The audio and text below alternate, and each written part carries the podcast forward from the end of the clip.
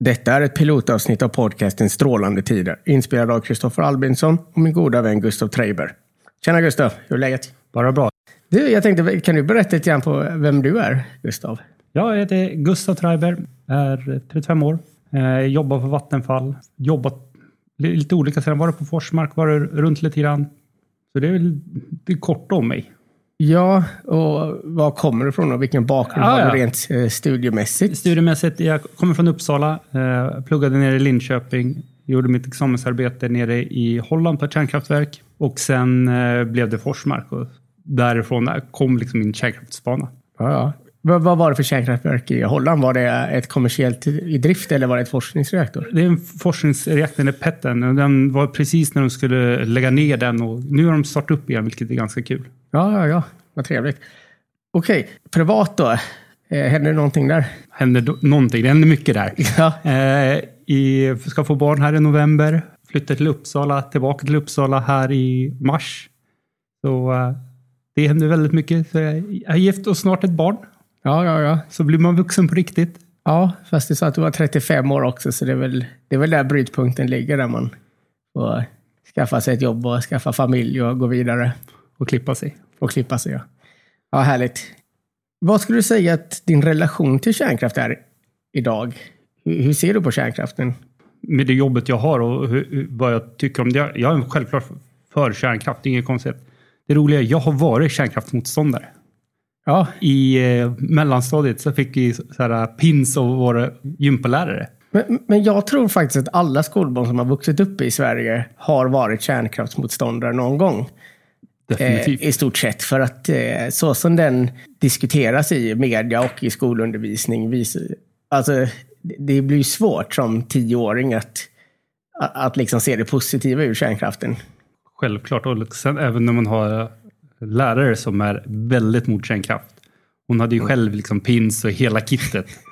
Och var stenhårt mot kärnkraft. Och det var ju farligt. Det var ju treögda fiskar och allt var ju jättefarligt. Ja, men alltså vem är du då?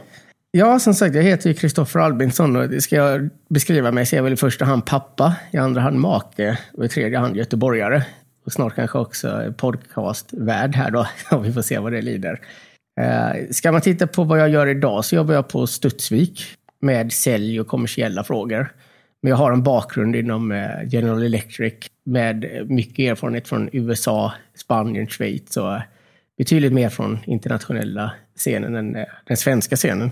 Man kan väl säga att min erfarenhet från den svenska kärnkraften främst varit att jag var projektledare för rivningen av interndelarna på, eh, i Oskarshamn då, eh, på eh, O2. Hur känns det att liksom riva ett kärnkraftverk? När man ändå, ändå för kärnkraft och sen ska man vara där och såga sönder. Jag tänker lite grann så här. Det är ett viktigt jobb och även hur positiv man är till kärnkraft så ska den rivas någon gång.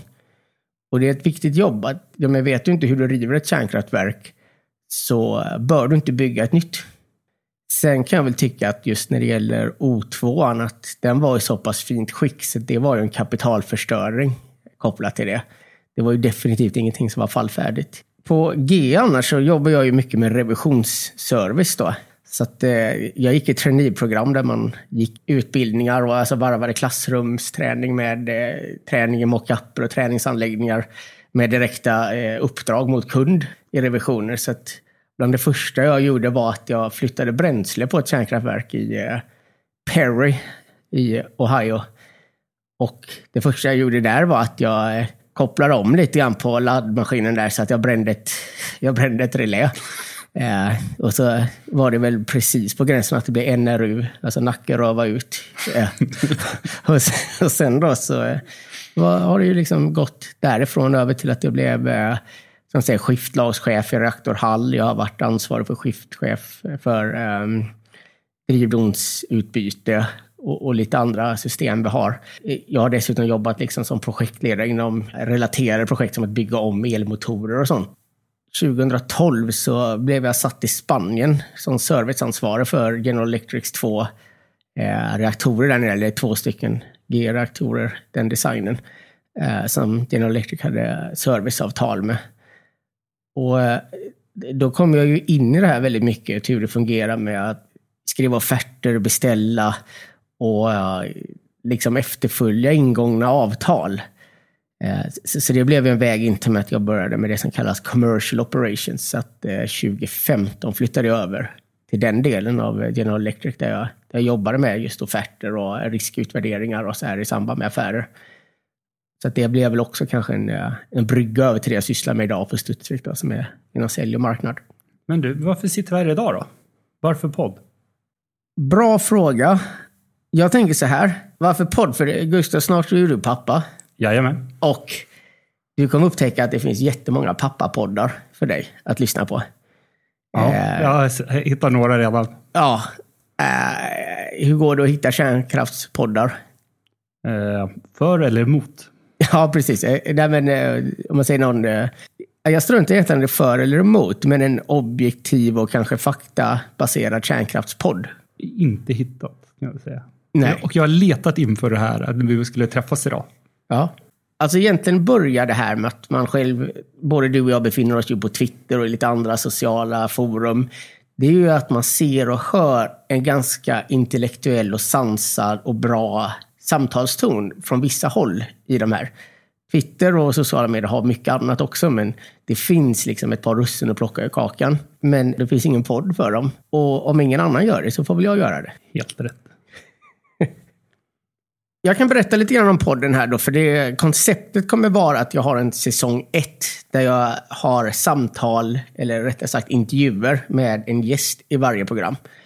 Eh, just nu finns det ett par inbokade gäster, ett par gäster som har sagt ja, fast vi inte är bokade än. Så jag vågar inte lova att det blir hur många avsnitt det blir. Men tanken är att det ska vara lite grann som en bok där man liksom allt handlar om kärnkraft fast i olika kapitel som kanske relaterar och, och refererar till varandra. Men det ska, tillsammans så ska det ge liksom en ganska bra helhetsbild. Då. Eh, och, och, då har jag som plan då runt, eh, säg åtta avsnitt, säsong ett, där jag tror att då, då har vi nog täckt det mesta utav det som är aktuellt idag. Eh, det vill säga att vi kanske inte det som diskuteras i politiska debatten idag, ska jag säga. Vi kommer inte att gett oss på sånt som kanske handlar om fusion eller Eh, kärnkraftens historia eller själva tekniken i sig.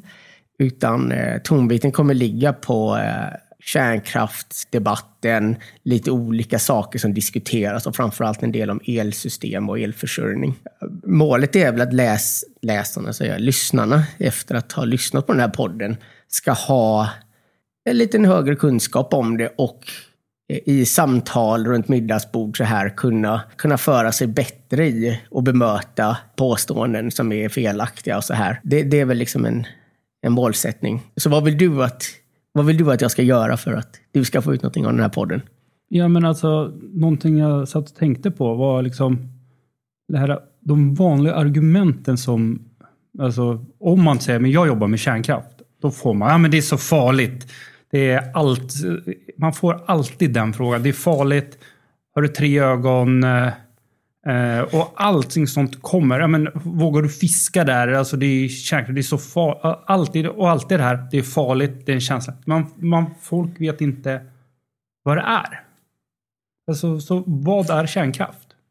Ja, och, och, och det, sätt, det kommer ju att vara med eh, till viss del. Jag ska väl säga att ribban kommer läggas för folk som är totalt oinsatta i kärnkraft kommer det kanske vara svårt att hänga med. Om man tror att kärnkraft är en låga som brinner någonstans så, så kommer det vara lite uppförsbacke och kanske förstå en del av det. Men den är inte heller för folk som är branschfolk verkligen. Att det, det, det, pratar inte, det handlar inte om att döpa den som redan är frälst. Eller, eller frälsa den som redan är döpt, säger man. Utan det handlar verkligen om att så att säga, nå ut till en bred publik där folk som kan mycket kanske lär sig något mer, folk som kan lite lär sig väldigt mycket mer. Och, och definitivt ska, säga, ska ju bilden av kärnkraft vara som den är, som det ser ut när man åker ut till ett kärnkraftverk. För när du åker ut till ett kärnkraftverk så är det inte en grå himmel, eh, dålig betong, eh, det, det, ser ut som Pripyat i Ukraina. Utan eh, det är ganska vackert runt Forsmark när du går till jobbet med havsutsikt och solen går upp och ståtliga byggnader. Det är grymt. Jag har faktiskt varit i Tjernobyl. Mm. Eh, och just där verken ligger är väldigt vackert. Trots att men alltså, reaktor 4 är täckt av stor sarkofag. Liksom, så det en, sen finns det några, de andra verken. Det är någonting som är väldigt häftigt. Det är de som inte blev färdiga, de ska bygga två reaktorer till. Och det har man bara lämnat och låtit liksom naturen ta över. Så det är vackert där också. Ja, men det, är, det är väl det. Alltså Tjernobyl, det är för kanske en sak som jag säger att det, har, det, det finns inte med i de här första åtta-ish avsnitten som jag tänker mig. Att kanske gå in så mycket på olyckor. Det kommer nämnas, men alltså att i detalj att liksom förklara varför det här inte kan hända och så vidare. För att jag tycker att det blir alldeles för mycket fokus på olyckor när man pratar kärnkraft. Det finns ingen annan teknik där man Alltså pratar man flygplan så pratar man inte om alla flygkrascher och alla kapningar och, och så här. Utan pratar man flyg så pratar man liksom om utveckling och hastigheter, vingprofiler och, och, och liksom eh, flyghöjder. Och samma sak tänker jag att den här podden ska vara. Jag håller med dig. Alltså, men jag var tvungen att ta att det är vackert där också. Men just det här med vad händer med Tjernobyl? Jag menar, alltså, det finns en BBC-dokumentär på tre timmar om vad som hände, egentligen hände vid Tjernobyl. Så den ja. informationen finns. Precis. Och det är väl kanske det som också, jag tänker att mycket av den här grundläggande basfaktan, liksom, vad är strålning, hur, eh, på, eh, alltså, den, den är ju bara en Wikipedia-sökning bort. Och att jag då bjuder in folk som har betydligt eh, ska man säga, djupare insikter. Det vore nästan lite slöseri på tid att liksom få dem att ge en grundkurs. Utan jag vill nog snarare med min bakgrund och min, mitt förståelse för kärnkraft kanske utmana dem lite med frågor och göra en intervju och få till ett samtal som, som jag tror vi kanske, både den jag intervjuar, jag själv och den som lyssnar och läser någonting på. Det är ju det som är intressant. En sak som jag tänker så här med podden är ju att fasken, jag, jag har ganska mycket att göra i livet. Småbarnspappa och eh, ett aktivt jobb och, och allt sånt här och försöker väl hålla igång med träning och, och så. Jag, jag har ju inte tid för det här med en podd egentligen, men någonting som verkligen gjorde att jag tog beslutet från idé, det är all stöttning jag har fått. Eh, jag ska säga den största eh, fanen jag har, det, det är min fru som så fort jag pitchade den här idén sa att det där måste du göra. Det är en sån viktig fråga. Och jag vet ju att din fru är också väldigt kärnkraftsvänlig. Det kan man väl lugnt säga. Hon är utbildad kärnkraftsingenjör. Ja. Jobbar dock inte inom det, men ja, absolut.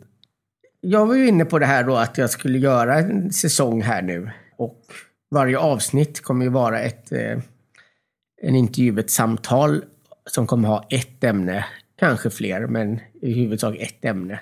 Som alla tillsammans utgör eh, så att säga, ett kapitel i en bok som blir hela säsongen. Det blir då som sagt runt åtta avsnitt och kanske något extra. Sedan så inser väl jag att det kanske finns några avsnitt till. Det finns ett par personer som borde vara med i den här podden som inte jag har frågat än. Av den enkla anledningen att jag, jag vill komma igång och ha en podcast innan jag frågar folk. Och det tar viss tid att gå igenom och skriva manus och så här för en intervju. Så att det, jag skulle säga att det, det, finns en liten eh, chans, eller vi ska säga risk, att det blir en säsong 1,5. Där vi då kompletterar den här säsongen med, säg fyra avsnitt eller någonting. Skulle det sen bli en säsong 2 så kommer den bli en utveckling av det. Där argument och det som diskuterats under säsong 1 och eventuellt då ett och ett halvt ställs mot makthavare. Att eh, säsong 2 blir av om det är tillräckligt många lyssnare och att podden får så pass genomslag att jag kan boka in intervjuer med så att säga eh, verkställande direktörer på de större för företagen eller även kanske politiska, energipolitiska talespersoner från, eh, från partier. Det skulle då, vara skitintressant med tanke på nästa år. Precis. Alltså, och detta skulle vara som en del av valåret då. Ja. Ska vi nöja oss här, Gustav? Varför inte? Nu trycker vi på